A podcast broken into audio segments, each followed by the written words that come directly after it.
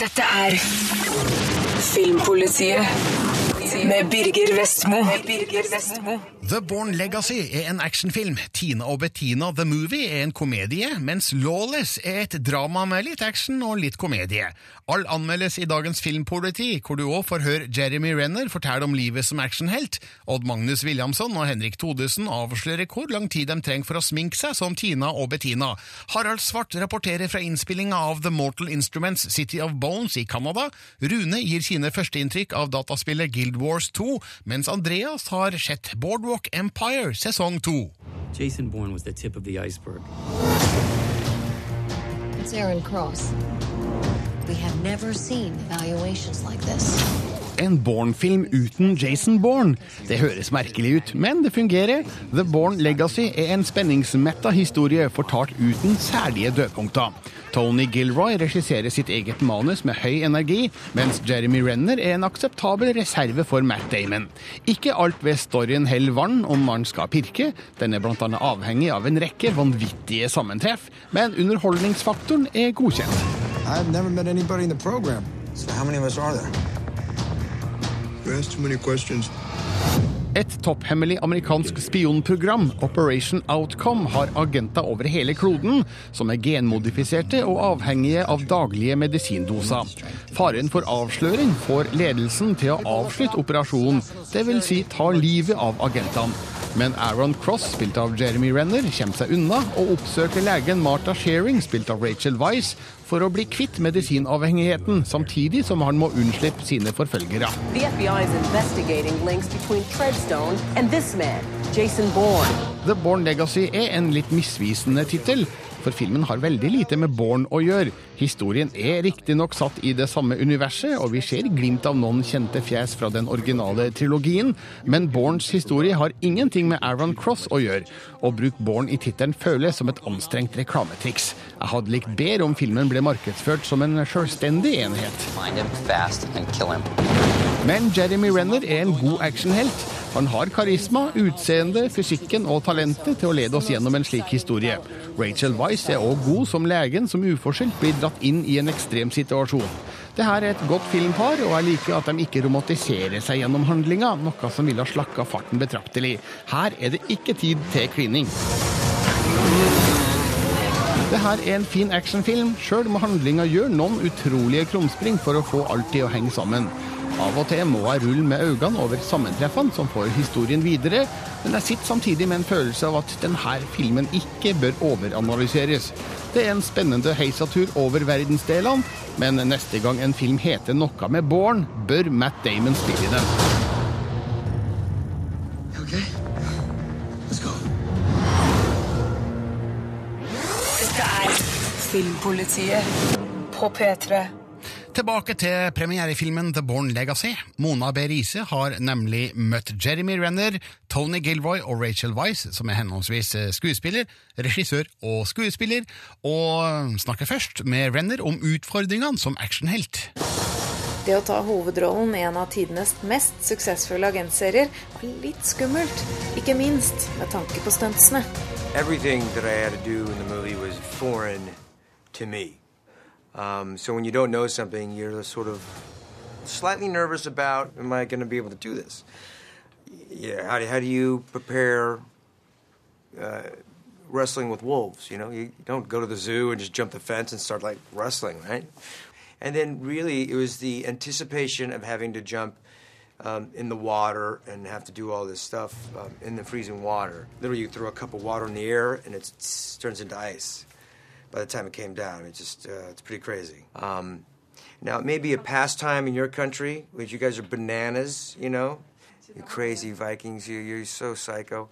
yeah, so I did it. Yeah, I did it, but it was just the anticipation of uh, of doing that. I didn't know what it was going to be like, and it was it wasn't so bad. Now you can do it on a regular basis because it makes you strong. No, That's thank you. No. I am no. I I'm not interested in that at all. Tony Gilroy, som har skrevet manus til alle Bourne-filmene, er nå også regissør. I got started on this 13 years ago with with Born. I don't think any of us ever thought that anything. We never thought there'd be a sequel, much less anything else. I think it's it's sort of been an ongoing surprise. Bourne-serien er spesielt blitt anerkjent for sin realistiske stil. You navigate towards that every single minute. You navigate towards that when you're writing, when you're casting. It's harder to do than to be fake. It's hard to it's hard to make things real. You'd think it would be the other way around, but it, it, it everybody has to be very rigorous all the time, and that's always what we go for. Rachel Weisz, som spiller den kvinnelige hovedrollen, jobbet også for realismen. Det innebar både skitne negler og ekte smør på overleppa. Decided not to clean them, and the snot. I can't really control the snot. That just must come out my nose. but Born is very realistic, and I like that about it. And from the very beginning, you're in super scary scenes. It's Yeah. the shooting at the work and then uh, at home. Mm. And of course, that also has to feel real for us. And I was wondering how you got there. I'm not a method actor, so I don't think about my dog that died, or I've never had a dog, but if I had, you know, um, I actually just think about what's happening. So during action and cut in that moment, I just believe what's happening is happening. And then when the director says cut, I know it's not happening. So it's just you pretend to the point where you believe it. And, then you stop. and it even goes as far as this not actually comes out. So you must go in there. Thank you for noticing. That's the idea, yeah, that it's happening. Etter 13 år med barn kan det likevel godt hende det kommer en til. For Gilroy liker å skrive spionthriller. I, like to write people that don't get along. You know, I like to write. It, I, I like to write conflict. I, I, I don't know if I've ever written a scene where people are happy with each other in the scene, and um, so you not only have the moment-to-moment uh, disagreement between people and conflict, you always have a larger conflict, and you have people keeping secrets. And it's nice to write people that are really not saying what they think, or uh, there's there's an, there's an extra energy about about writing it that must be appealing. Jeremy Renner, Rachel Wise og Tony Gilroy ble intervjua av Mona B. Riise. Du kan se og lese min anmeldelse av The Born Legacy på p3.no filmpolitiet. Dette er Filmpolitiet med Birger Vestmo. Regissør Harald Svart er midt i innspillinga av sin neste film, The Mortal Instruments City of Bones, som er basert på den første av fem svært populære bøker av Cassandra Clare. Den sjette boka lanseres i USA nå i september, og interessen for filmatiseringa ser ut til å være enorm. Og på telefon fra Canada, hei Harald Svart. Hallo, ja. Hei. Ja, Hvor i Canada filmer du nå? Vi filmer i Toronto. Hva har du filma denne uka? Eh, Denne uken har vi brukt fire dager på nesten bare action, holdt jeg på å si. Det, vi fikk unna eh, de, eh, noen av de største scenene eh, hvor det er mye konfrontasjoner inne i et gammelt hotell, som, som var ganske komplisert action. Så vi har eh, brukt hele uka på det. Nå er jo du litt inhabil her, da, men hvordan syns du det går? Ja, altså Jeg eh, er vel første til å være skeptisk jeg, hvis det hadde gått dårlig. holdt jeg på å si. Det, det syns det går på skinner. jeg. Vi har jo, De to første ukene er jo alltid litt uh, vanskelige å bare komme inn i, eh, inn i rytmen, men jeg syns vi uh, kom godt ut av det. og er, Vi er on time, on schedule, som det heter. Ja, hvorfor er de to første ukene uh, kritiske i en eh, innspillingsperiode på ti? Ja, Det er vel bare fordi at man må Det er som et eh, tannhjulnettverk, holdt jeg på å si, med, med alle som skal snøres og bli vant til hverandre. og Staben skal forstå hvordan vi tenker, holdt jeg på å si, og sånn. da, så og så er det vel litt eh, mennesker som er litt spente på hvordan bildene kommer til å se ut. Og sånn, og der har vi bare fått strålende tilbakemeldinger. Jeg har jo Den norske fotografen Geir Hartley Andreassen, som eh, nettopp filmet Kon-Tiki, er jo med på foto. Så det er eh, eh, første gang en norsk eh, fotograf gjør en så stor amerikansk film, og det, og det, det har vært en veldig positiv opplevelse. For de uinnvidde, Harald, kan du forklare hva The Mortal Instruments eh, City of Bones egentlig handler om?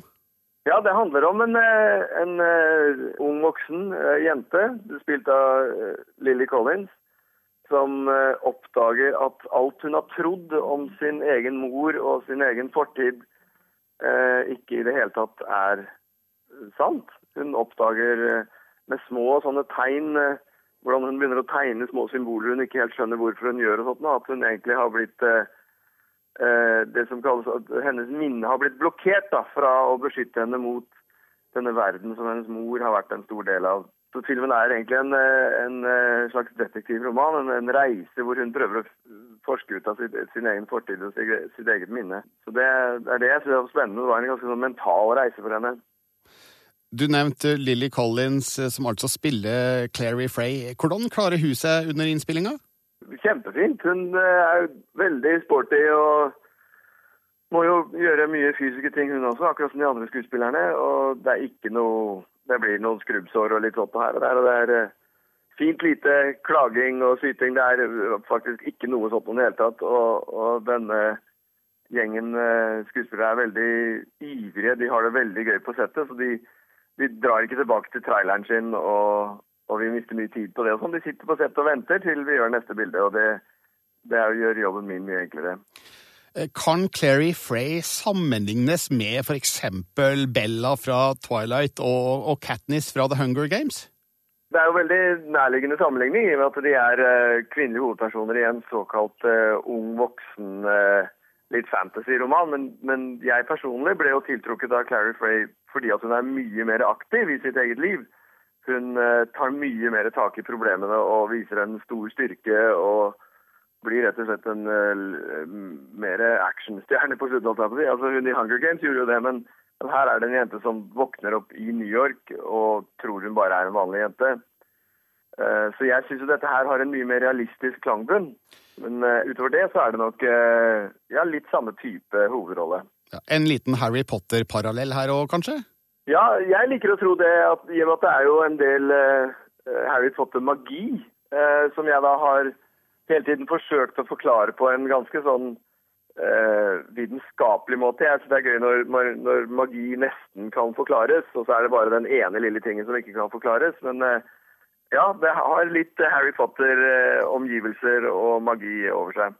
Jeg har eh, i hvert fall en følelse av at uh, The Mortal Instruments er i nærheten av Twilight, The Hunger Games og Harry Potter når det gjelder fanskare. Altså, Hvordan merker du at interessen allerede er stor for filmen din? Ja, altså Jeg visste jo ikke hvor populært dette her var før jeg begynte på prosjektet. Um, og hørte jo alle disse salgstallene og hadde min naturlige skandinaviske skepsis. Jeg har gjort mine egne tester hvor jeg har gått inn i gått inn i bokhandler og sånn, jeg er helt tilfeldig og tenkte ja, ja, nå får jeg se hvor, hvor populært er nå dette her. da, og da, da har jeg sett at der er det egne hyller dedikert til disse bøkene. De er liksom stablet på gulvet og sånn. Men når jeg begynte å filme, så merket jeg det virkelig. For der står det altså hver dag vi, når vi kommer og vi drar, så står det en hel gjeng ungdommer utenfor settet og venter på at skuespillerne kommer. Og der står de i timevis og venter tålmodighet på å få signert bøkene. Og så er det da dette sosiale medier som har, viser også hvor, hvor mye snakk og populært det er. da. Mm. Det finnes bl.a. flere nettsteder som følger innspillinga tett. Altså f.eks. TMI Source, TMI Institute, eh, altså The Mortal Instruments Institute. Eh, får du litt mer sånn press på skuldrene av det, eller er det bare gøy? Jeg syns, det er gøy og, og, ikke minst mye å lære. Altså, dette her er jo en, en hel skare med ganske så kreative ungdommer som, som, lager sine egne filmplakater. Det er jo På YouTube det en, et hopetall med, med trailere. så jeg har sittet og sett det og tenkt å, det var jo egentlig ganske kult bilde. Og, og, og jeg syns de de er en veldig smart gjeng. Eh, de har bitt seg fast i ting i boken som jeg syns eh, har verdi. Eh, så jeg prøver å ta med det jeg kan, og, og lære av det. Og, og, vise at vi respekterer hva de har likt med boken, men allikevel gjøre det selvfølgelig til en film som de som ikke har lest boken, allikevel kan ha stor interesse av å se. Ja, du nevnte trailers på YouTube. altså Fans har laga egne trailers eh, der de har tatt bilder av skuespillerne fra andre filmer og mikser dem sammen da, til en sånn The Immortal Instruments-mix. Eh, uh, uh, og det syns du er kult? Ja, ja, det er jo kjempegøy det å sitte der og se på det. og uh, Det var før vi begynte å filme, så satt jo Geir og jeg så på det. Så det der er kanskje litt sånn fargetone vi kan bruke, eller Altså, det er jo Ja, det er ikke noe galt med det, syns jeg i hvert fall. Så du blir, du blir rett og slett inspirert av det fansen allerede har uh, kokt sammen?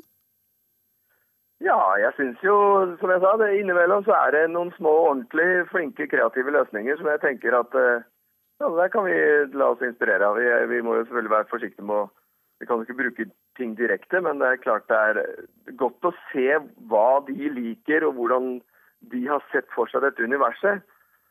Så nei, det har bare vært en, en morsom forberedelse til filmen. På rollelista, foruten uh, Lily Collins, finner vi navn som uh, Jonathan Rhys-Myers fra Mission Impossible 3 og The Tudors. Du har Jamie Campbell Bower fra Harry Potter og Twilight. Lena Headey fra Game of Thrones og 300. Det er en gjeng pene, flinke mennesker, det her. Men uh, hvordan tror du fansen som har lest bøker nå, som har bilder i hodene sine av hvordan figurene ser ut, vil, vil de matche? Ja, altså, igjen, det har vært en sånn ting hvor, hvor jeg har på en måte tenkt hvem jeg har likt først. Og så eh, har Cassandra Clare, hun som er forfatteren av boken, hun er jo veldig i Hun kjenner jo fansen sin veldig på pulsen. Og så har hun noen ganger testet vannet litt, grann, og, og hun ser jo selv hva hennes fans har sett for seg og sånn. Og noen ganger så treffer vi helt spikeren på hodet, og noen ganger så har vi klart å overraske dem hvor de har sagt ja, det er faktisk en bedre enn det enn vi har hatt. og og så finnes det selvfølgelig en og annen skeptiker her og der, men sånn tror jeg de venner seg til etter hvert. Nå ser det helt ut som, hvis man leser disse uh, bloggene nå, så ser det helt ut til at de har adoptert uh, castet slik det er nå, altså. Du filmer altså nå den, den første boka i The Immortal Instruments-serien City of Bones. Men det fins jo flere, da. Den sjette boka lanseres nå i september i USA. og jeg antar at eh, det ligger muligheter for flere filmer om den første her nå blir en suksess. Kjenner du allerede nå på om du kunne vært interessert i å være med på flere? Ja, altså jeg har for så vidt allerede fått det spørsmålet. Jeg har bare svart eh, høflig at eh, nå må vi lage én film av gangen. Men jeg kjenner jo allerede nå altså både Veslemø og jeg er jo etter hvert blitt ganske kjent med karakterene og fornøyd med hvordan det hele arter seg. Så og, og, det å jobbe med den gjengen har jo vært bare en, en sann glede hele veien. Så nei, vet du hva, Det får vi bare se, se hvordan filmen gjør det, rett og slett. Og så får vi vurdere det da. Du er altså ferdig med uke to av ti uker innspilling. Eh, gleder du deg til resten, eller blir det et ork? Nei, jeg gleder meg. Jeg syns det er kjempegøy. Jeg har uh, jeg har det ordentlig morsomt. Det er jo bare moro å få lov til å lage en, en, en eh, Harry Potter-aktig magifilm med demoner og vampyrer, og allikevel at den har en ganske sterk eh, realitetsbase og en emosjonell klangbunn. Eh, jeg, jeg, det er kjempegøy å lage en film hvor det er en jente som er ordentlig tøff i hovedrollen. Så nei, her har det bare vært å glede seg hver dag til jobb, altså. August 2013 da får vi se det endelige resultatet. Har du en god følelse, Harald? Ja, det må jeg jo absolutt si at jeg har. Ellers så prøver jeg å, å gjøre noe med det, holdt jeg på å si. Jeg begynner allerede å glede meg til premieren i Fredrikstad, i hvert fall.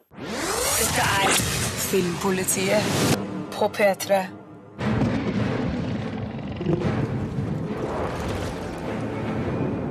One hundred years ago, the drowned empire of Or rose from the sea at a dragon's command. A dragon whose name is written in the legends of the dwarves. A dragon known as Zaitan. Det her er altså lyd fra Guild Wars 2, et uh, dataspill som hadde release i slutten av august. Rune Håkonsen, du spiller det for tida? Jeg spiller det ganske mye for tida også, må jeg understreke. altså. Men du er ikke her for å anmelde det, hvorfor ikke? Det her er et uh, online rollespill, eller et såkalt MMO-spill. Et spill hvor du kan dykke inn i en virtuell verden og dra på eventyr med andre mennesker. Og det her er jo såpass stort spill at selv om det nå begynner å nærme seg to uker siden det kom kom ut på markedet, så er jeg ikke ennå i nærheten av å kunne si meg eh, ferdigspilt til den grad at jeg kan anmelde det, men å prate om det, det kan jeg. Akkurat. Og, og, først så vil jeg høre, hva er egentlig Guild Wars 2? Du sa det er et eh, MMO-spill? Det er litt sånn som World of Warcraft, eh, rett og slett. Altså, det er et spill hvor på en måte, fantasien og eventyret står i sentrum, og det at du kan utforske denne verdenen. Og det er en veldig stor, enorm verden å utforske. Mye å se, mye å gjøre, og ikke minst mange eventyr å dra på. Og det her er litt sånn spennende i, i møte med World of Warcraft. Blizzards store spill har i mange år vært på den giganten som har dominert akkurat denne spillsjangeren. Eh, For et par uker tilbake så fikk vi jo ganske dårlige nyheter fra det norske selskapet Funcom, som eh, hadde solgt mye mindre enn venta i sitt forsøk på å konkurrere med World of Warcraft. Guild Wars 2 kan nok eh, stikke av med litt flere penger i ryggsekken, rett og slett, fordi at det er et spill som ligner i veldig stor grad på World of Warcraft. Hva gjør du da i Guild Wars 2? Du starter jo det hele med å, å, å lage deg en figur, en, uh, som kan være en liten dverg eller et menneske eller en kjempe for den sakens skyld, og velge hva slags type yrke du vil ha. Vil du være en jeger, en kriger, en magiker? Og så blir du kasta ut i en åpen verden med en historie eh, om, om de store tingene i verden. Altså, hvis ikke du gjør dette, så går alt til dundas, rett og slett. Og du får på en måte oppdraget med å redde verden, redde denne fantasiverdenen som du lever i. Og det betyr episke eventyr. Du skal ut og slåss mot monstre, og alt dette skjer eh, med at du styrer din figur rundt og, og samler erfaringspoeng for å bli bedre og sterkere og større. Du skal altså ikke anmelde Guild Wars 2 her nå, men eh, hva er dine førsteinntrykk? Det må jeg kunne spørre om. Det første som slo meg, er at Guild Wars 2 ikke er veldig nyskapende. Dette spillet gjør nesten skal vi si, eh, Alt det gjør, er ting som er gjort eh, før, øh, men spillet gjør ofte ting bedre enn sine forgjengere og spill som den har blitt inspirert av. Så det er en veldig spesiell og veldig god opplevelse.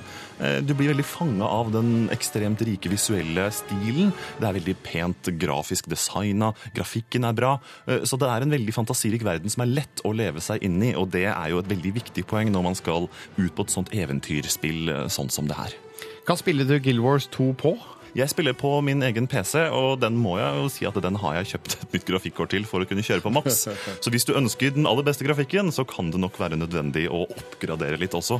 Men for de som er glad i, i MMO-spill, eh, World of Warcraft eh, og ikke minst The Secret World, så er det verdt å sjekke ut Guild Wars 2. Det er nemlig også gratis å spille, noe som er litt uvanlig. Eh, World of Warcraft, Secret World, så må du betale en månedlig avgift. Men eh, dette spillet her, der forsøker de seg på en litt annen vinkling. Det er gratis, det er lett tilgjengelig, og det kan også være det som gjør at spillet blir en ekte konkurrent til World of Warcraft, som har dominert MMO-bransjen i mange år. Du sier gratis å spille, men det, det koster penger å kjøpe. Det koster penger å kjøpe, ja. Greit å poengtere akkurat det. Rune Håkonsen, når tror du du kan anmelde Guild Wars 2 ordentlig? Jeg kan vel si til neste fredag, så skal jeg komme med en endelig dom over spillet. Now is the time. Claim your destiny.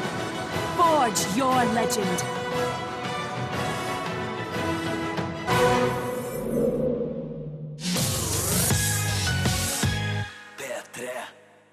Tina og Bettina The Movie har norgespremiere i dag. Ja, verdenspremiere, faktisk. Og Andreas Opsvik har sett filmen og levert følgende anmeldelse. Hei, jeg heter Tina. Og jeg heter Bettina. Og dette var Videoblad!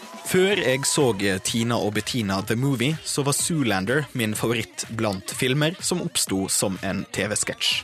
Det er den òg etterpå.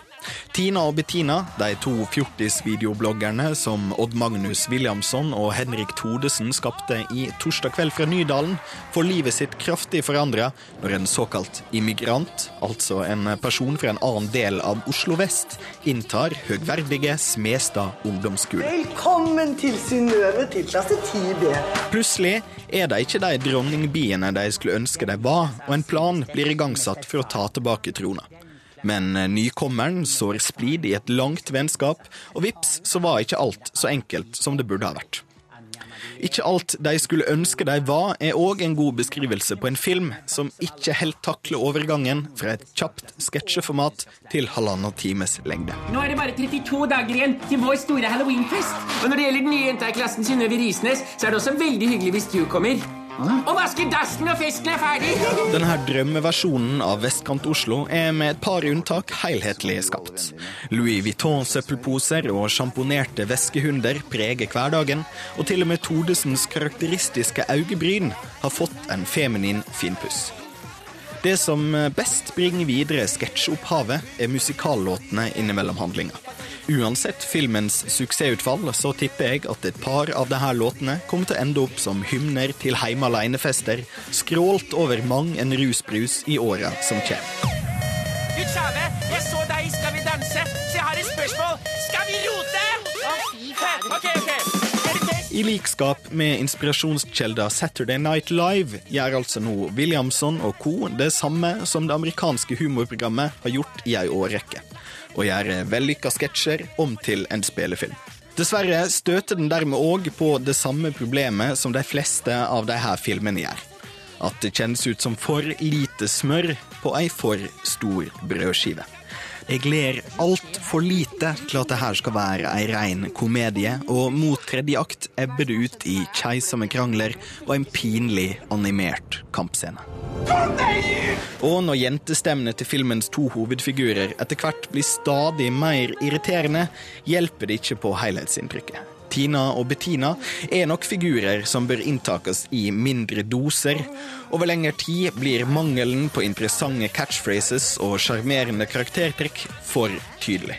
Eller for å si det i Saturday Night Live-termer, denne filmen her er langt ifra legendariske Blues Brothers. Tina og Bettina, The Movie! Alle er invitert! Til og med kule, nerder, hipstere, horer, bilimikere, raumatikere, himofeile og kols. Dette er Filmpolitiet på P3. Nå får du møte guttene bak eh, sminken, nemlig Odd Magnus Williamson og Henrik Todesen. Intervjua av Rune Håkonsen. Tar det lang tid å få på seg det der? eller? Eh, klærne går ganske fort, men sminken tar ca. en halvtime hver gang. Har lært noen nye triks? da, regner jeg med? Ja, vi begynner å få sløring på foundation. Flere hundre tusen nordmenn har sett denne mannen i filmen Kon-Tiki. Akkurat nå så har han på seg kjole og ikke minst en lang, blond og ganske så fin parykk. Uh, ja, jeg heter Odd Magnus Williamson. Spiller eh, karakteren Tina i Tina Bettina the Movie. Sitter nå i Trondheim kino i en uh, ja, en slags habit. Du, men du må også si at det er en kjole, ikke sant? Ja, det er jo en kjole, da. Med nylonstrømpebukser, lang, dum og en ull... De to jentene Tina og Bettina har blitt litt av et fenomen for torsdag kveld fra Nydalen. Og det var faktisk en svensk regissør som satte de på sporet. Figurene oppstod egentlig som internsjargong. At vi bare skulle ta, vi tok bare fjortisene på kornet og satt og tulla. Sånn, Prata sånn som eh, fjortisjenter gjør på bussen om morgenen rett etter helgen. Og så var det helt tilfeldig at vi så den uh, filmen av Ruben Østgren, den um, Dom Ofrivilliga. Hvor, det er, uh, hvor vi da så to sånne videobloggkarakterer. Og Tenkte vi Det går an å gjøre i fiksjonsverden også. og så var det sånn Det er jo perfekt sted å putte inn to karakterer vi ikke helt vet hvor, hvordan vi skal løse. For der kan de jo bare utfolde seg selv og prate om akkurat det de vil. Ved siden av Odd Magnus i en nett rutete kjole med langt, brunt hår sitter altså Bettina. Jeg heter eh, Henrik. Jeg spiller rollen som Bettina i Tina Bettina-filmen. Jeg har på meg eh, Hvilken farge er det på dette? Begge vi er fargeblinde. Er dette grønne Turkis. Men det å gå fra eh, en sånn idé til å få figurene på TV-skjermen til å så gå til filmlerretet, det betyr jo at dere underveis har jobba med hvem de er, definerer Ja. litt sånn tydelige rammer for hva de skal gjøre. Hvordan har den prosessen vært fram mot filmen og det, i, i filmarbeidet? da? Altså Egentlig så har det vært en litt sånn eh, En ikke ubevisst. ubevisst prosess. fordi da vi begynte med Tina Bettina første runde, hvor vi liksom, så var det bare Var det bra? så, så snakket de jo bare om eh, noen få mennesker i klassen. Og, og, eh, men filmideen kommer først da en som heter Espen Enger, som har eh, egentlig manus på denne filmen, ringte oss for to år siden og sa hei, jeg har skrevet et manus til Tina Bettina-filmen, har dere lyst til å lese det? Ja, Det vi så da, var at han egentlig bare hadde gått inn og visualisert hele det universet vi øh, ubevisst har skapt. da. Uh, alle au pairene og den gamle vaktmesteren som er øh, som er gammeldags fordi han tar bilde av oss i dusjen med engangskamera og ikke digitalkamera. Og alle disse tingene som bare på en måte har vært sånn vitser, det gikk han da inn og det satt sammen til en slags ja, en treaktstruktur. Og klarte å lage en, bygge et helt univers av det. Mm. Og så um, var det et kjempebra utgangspunkt. Så, så har vi jobbet veldig Han har vært utrolig dyktig eh, for manusforfatter å jobbe med. For det er klart jeg og Henrik har jo sterke meninger, og det er mange som er involvert i prosessen. Så vi har jo eh, Vi gikk vel i produksjon med utkast 27. Så det har vært en, eh, vært en lang, lang, men veldig fruktbar manusprosess eh, sånn sett, fordi det har gitt oss tid og mulighet til å kverne og skape litt i karakterene underveis. Det er krevende karakterer å, å spille i. eh, Man får veldig vondt i hodet. Odd Magnus Williamson og Henrik Thodesen blir igjen kjent på gata av unge jenter som figurene Tina og Bettina. Og jentene vil selvsagt ha bilder av kjendisene. Akkurat disse situasjonene er bare en av stedene de to komikerne henter inspirasjon fra. Hvor mye skal man altså skal, skal man nå liksom prøve å få publikum til å glemme at vi egentlig er menn? i denne scenen her? Eller skal vi prøve å være fjortiser nå, eller skal vi være Hva, hva liksom? kom dere fram på som svar på det spørsmålet? Eh, det er Simen Alsvik, som er regissør, har vært veldig, altså, har vært veldig opptatt av å ta det, å ta det på alvor. At det alltid skal være Som jo jeg syns er det riktigste, liksom. At det er ikke ikke, vi, ikke, vi tuller ikke med at vi er menn i dameklær. Liksom. Det er ikke der komikken ligger. Det ligger jo at vi portretterer eh, en ungdomskultur og tar det mm, fjortisen på kornet. Det er jo noen lag å komme gjennom i skuespiller. Det er jo Inception i praksis. Det er så mange lag der at uh, vi begynte å lete etter drømmetotem etter hvert selv. Se om det som er et eller annet sånn som snurrer omkring? Ja, dette, Denne filmen her er nok mer en, uh, en blanding av Hanna Montana og Irreversibel. Det går ganske lang tid mellom hver gang en rendyrka norsk komedie finner veien til kinolerretet. I fjor var både Odd Magnus og Henrik aktuelle med hjelp. Vi er i filmbransjen, og de er ikke fremmed for tanken om at Torsdag kveld fra Nydalen er arnestedet for en ny generasjon filmkomikere i Norge. Jeg tror ikke vi har hatt noe, noe mål om det, men det som jo er uh, Vi kan godt bli det nå.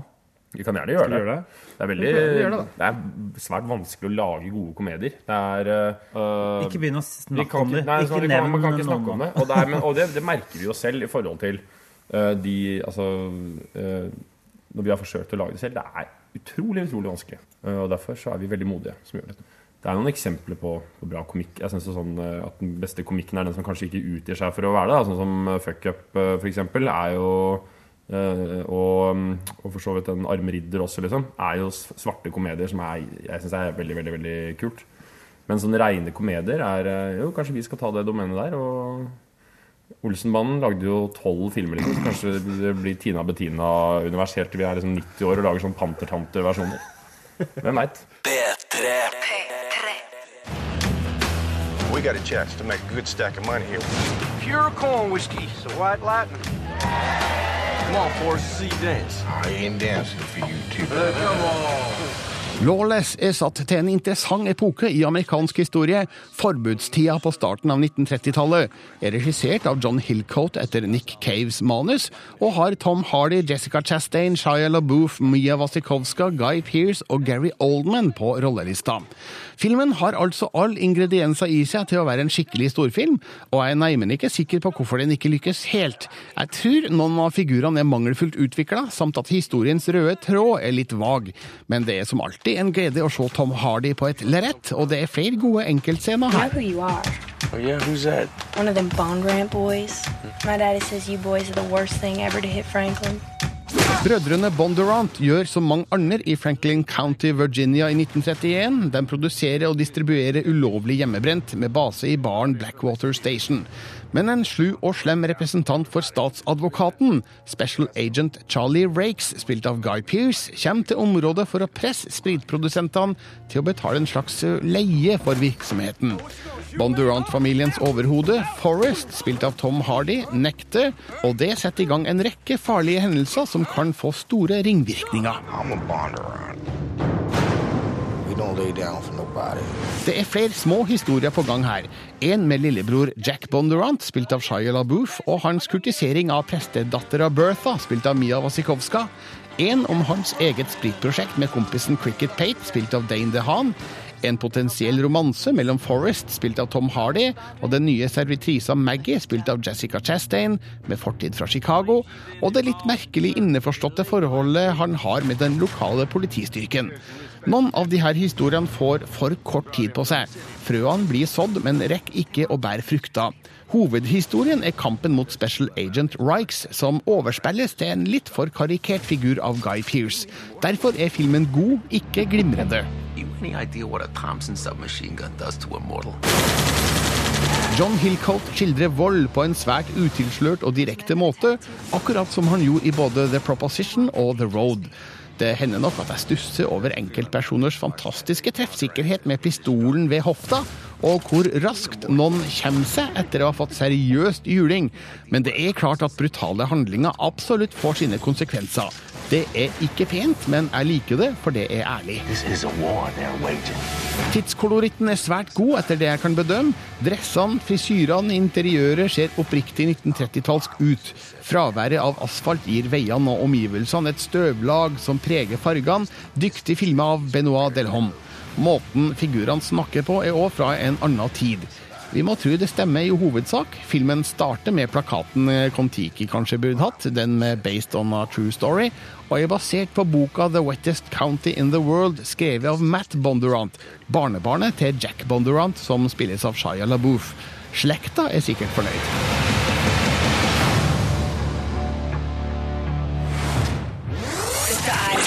Filmpolitiet på P3. For litt siden hørte du min anmeldelse av premierefilmen Lawless, som altså handler om eh, spritprodusering og smugling i forbudstidens USA. Eh, Det fins en TV-serie med nøyaktig samme tema, Andreas Opsvik. Ja, det er helt rett. Det er selvsagt Boardwalk Empire. Sesong to går på NRK nå, og er også aktuell på Blu-ray i Norge. Her er litt lyd fra serien. Things are changing in Atlantic City. I'm expanding my business. If you're in the market for quality liquor, I can get it for you. Alcohol is the key. What we ship comes in, what Nucky ships doesn't. I will ruin you. All of you. This ain't about money, Nucky. It's about revenge. We will not be disrespected. Nobody wants to be in school forever. Don't let the past get in the way of the future. Nuck's fighting for his life. Jesus Christ, just kill him. Bang! This is a raid! I'm running a business here! Ja, det her høres jo rimelig dramatisk ut. Eh, Vi befinner oss eh, et sted i USA på, på 20-tallet. Forbudstiden er i gang. Eh, Hva skjer i serien her egentlig, Andreas? Det her er da i Atlantic City, som er en, en syndens by. Så plutselig da dukker forbudstida opp og overrasker deg egentlig. Det var det som skjedde i første sesong. I andre sesong så begynner egentlig ting å rette seg veldig mot vår hovedperson, Nucky Thompson, spilt av Steve Buscemi. Eh, og eh, han får stadig større og større problemer da, som eh, bykasserer i Atlantic City. Det, da jeg så Lawless, så slo det meg at eh, alt som har med forbudstida å gjøre i USA, det, blir ganske interessant det, på både film og TV. Gjelder det også Boardwalk Empire?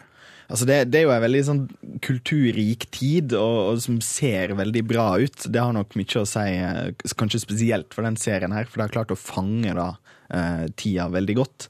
Men òg med tanke på at her var oppstarten for mafiaen, og det er oppstarten for veldig mye sånn økonomisk eh, interessante ting i USA, så er det jo ikke så veldig rart at det blir spennende. Og med godt skuespill, desto bedre. Ja, altså Steve Buscemi. Hva gir du meg? Ja, det, Han eh, gjør den her sjongleringa som, som litt kriminell og litt politiker veldig bra. Eh, og, og det som jeg men, kanskje mente var hovedproblemet første, var at jeg brukte veldig lang tid på å bygge opp karakterene. Men det er først nå i andre sesong at de, de tar dem ordentlig i bruk, da, syns jeg. Vi heier fremdeles eh, på Nucky Thompson, sjøl om han egentlig burde sitte i fengsel.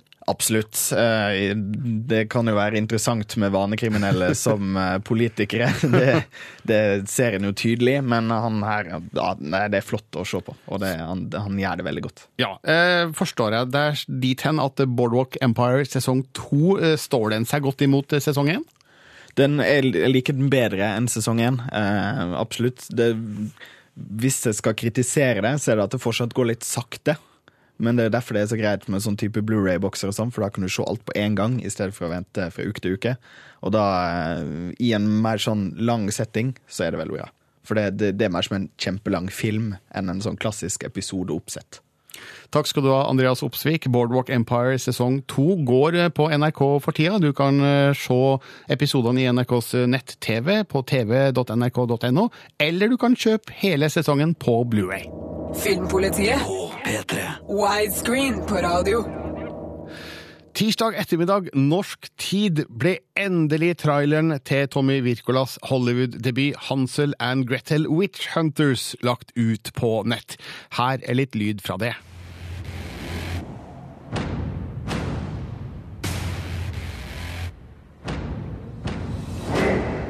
Me and my sister? My name is Gretel. And this is my brother Hansel. We have a past. We almost died. at the hands of a witch. Og nå på telefonen fra Los Angeles, regissør Tommy Wirkola. Hei, Tommy. Hei, hei. Ja, gratulerer med trailer. Det var greit å få den ut endelig, eller? Eh, jo, takk. Jo, jo, det er veldig godt å få den ut. og var artig å vise, vise hva vi har holdt på med det siste, siste året her. Er det en god representasjon av eh, hvordan filmen er, det vi ser i denne eh, traileren? Ja, altså det, er en, det er en veldig actionorientert trailer. Eh, Filmen vår har også veldig mye humor i seg, faktisk, som en kanskje ikke får visst denne traileren. Men det er en, det er en god altså, et godt førsteinntrykk, kan man si, men forhåpentligvis, eller jeg vet, det kommer flere senere der som har litt mer av humoren, den norske humoren som vi har prøvd å få inn. og altså, En såkalt R-rated trailer der jeg får se litt mer av eh, ja, litt splatter og blod og gørr, som jeg også liker. Ja, for humoren er et viktig element i denne filmen, er det ikke? Ja, det er et veldig viktig element. Og det er det vi har uh, håp at skal uh, gjøre, altså, sette oss altså, ja, det gjør oss litt forskjellig fra de andre eventyrfilmene som har kommet ut, som Snow White og Red Riding Hood og også Abraham Lincoln. Som veldig seriøse filmer. Så har vi uh, mer en holdningspreg på våre da, med humor. da. Så det kommer nok frem etter hvert at man kjører flere trailere av TV-spots. Den traileren som er ut nå, den eh, har fått eh, god mottakelse. Og så er det også noen som uh, syns at det ser litt cheesy ut. Hva tenker du om det? Ja, det, det er selvfølgelig. Ja. Nå har jeg, altså husk I Norge har jeg gitt ut uh, Kelvulje, Brød, snø og Kuttis og Vagle, så jeg er vant med veldig varierende internettfeedback. Men ja, klart, det er, jo, det er jo selvfølgelig forskjellige meninger. Men nå er cheesy. Det kan jo, I min bok så er det jo bra cheesy og dårlig cheesy. så men det er jo, jeg, det er jo som, som forventa, og det er jo sånn bare. Men eh, som sagt, jeg tror at folk kan også få mer altså, totalt inntrykk av filmen jo flere trailere som kommer etter hvert. da. Men eh, jeg er fornøyd med feedbacken. sånn. Nå er det fremdeles et uh, halvt år igjen til premieren, sånn cirka. 11. januar uh, skal filmen ut. Uh, hva skjer med filmen akkurat nå? Nei, Filmen er jo så vidt ferdig. Det er noen småting igjen. Det er en 3D-film. Vi jobber med litt småting med 3D. og Det er finpuss her og der, men filmen er miksa og låst omtrent. Så det er nå er det bare å, det bare å lage trailere og begynne å kjøre på med markedsføring. Nå er det jo ingen hemmelighet at filmen egentlig var påtenkt en tidligere premiere, men ble utsatt. Med tanke på Jeremy Renners nå økende stjernestatus, er det, er det, er det bra for filmen din? Ja, det er det. Det er derfor den ble utsatt. Det var pga. Jeremy. Altså, når Jeremy kom om bord på Grete, så hadde han, han hadde ikke Mission Impossible, og ikke Avengers og ikke Born. Så det er klart at uh, tre store kjente franchiser uh, plutselig altså, som man skal være med i, Da, og en av dem er stjerna i Born. Det er klart det har veldig mye å si på hvordan man selger filmen. så Selvfølgelig var det jo litt frustrerende for meg personlig at vi måtte vente så lenge med å slippe den, men jeg ser nå at det er antakelig en veldig god avgjørelse.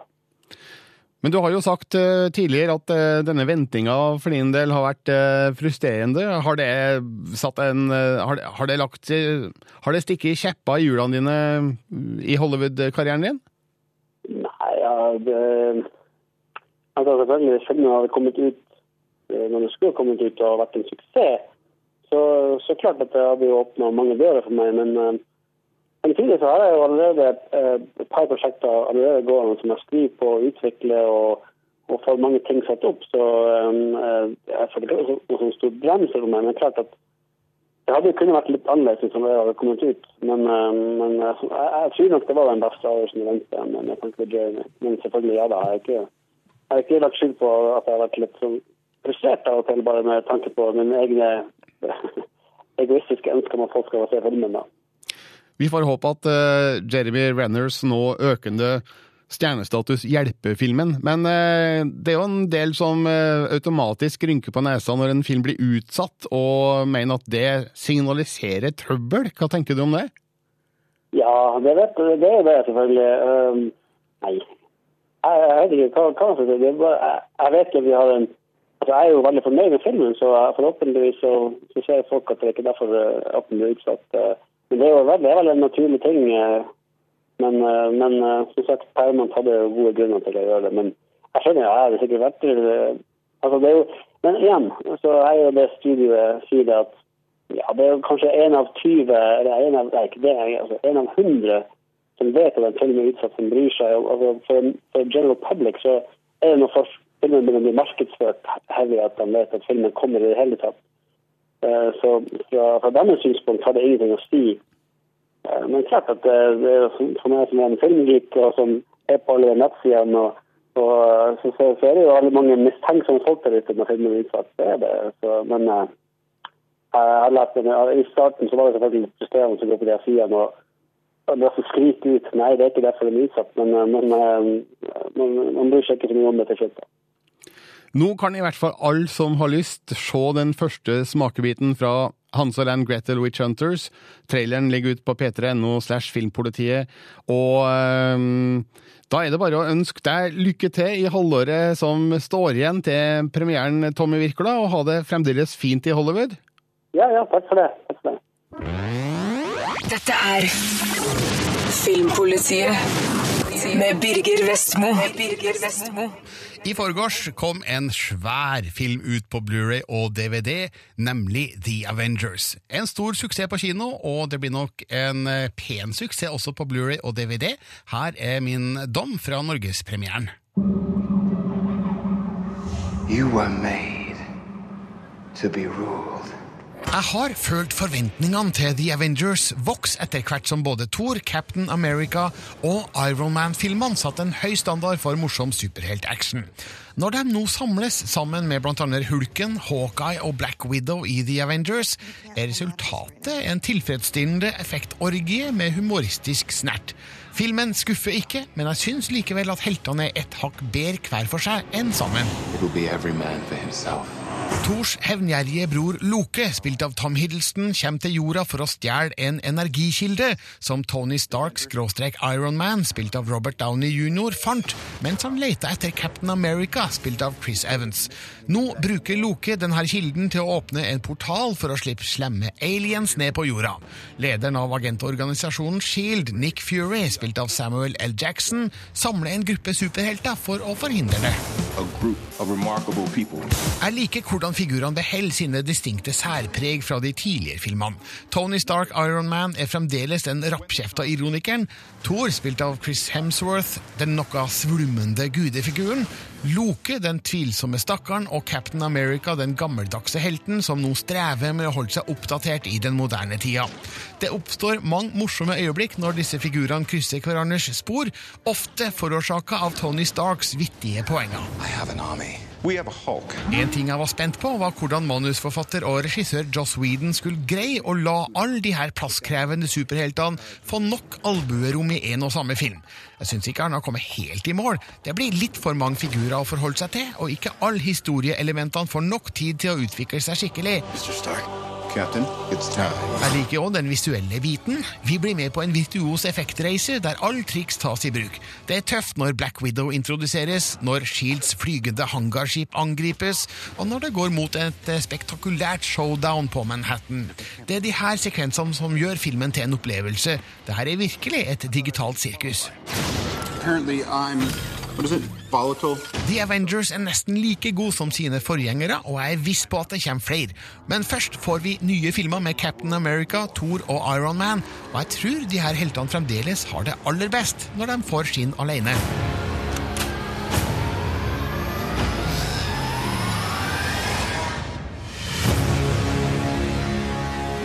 Dette er Filmpolitiet på P3. I sted hørte du da min anmeldelse av The Avengers, eh, som nå er ute på Blu-ray og DVD. Før premieren møtte Vegard Larsen to av skuespillerne i filmen, nemlig Scarlett Johansson og Jeremy Renner.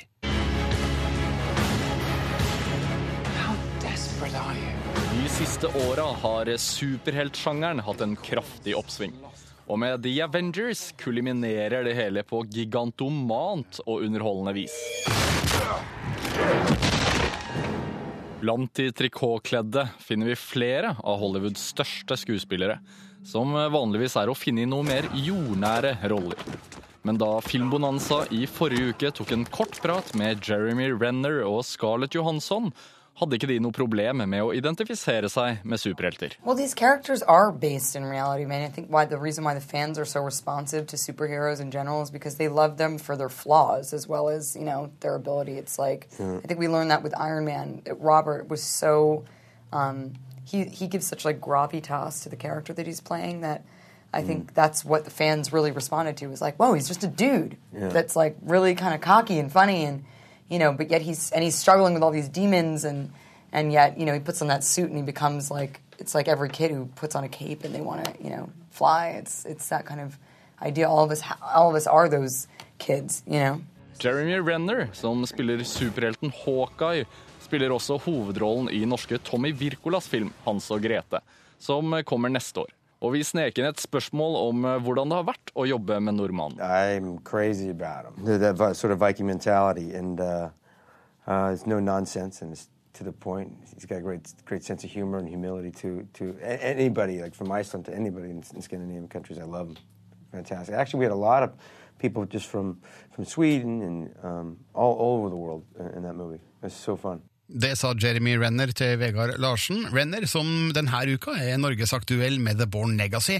Anmeldelse av den, og også The Avengers, finner du på p3.no filmpolitiet. Du hører nå en podkast fra NRK P3. Hent flere podkaster fra NRK på nettsiden nrk.no podkast. NRK P3.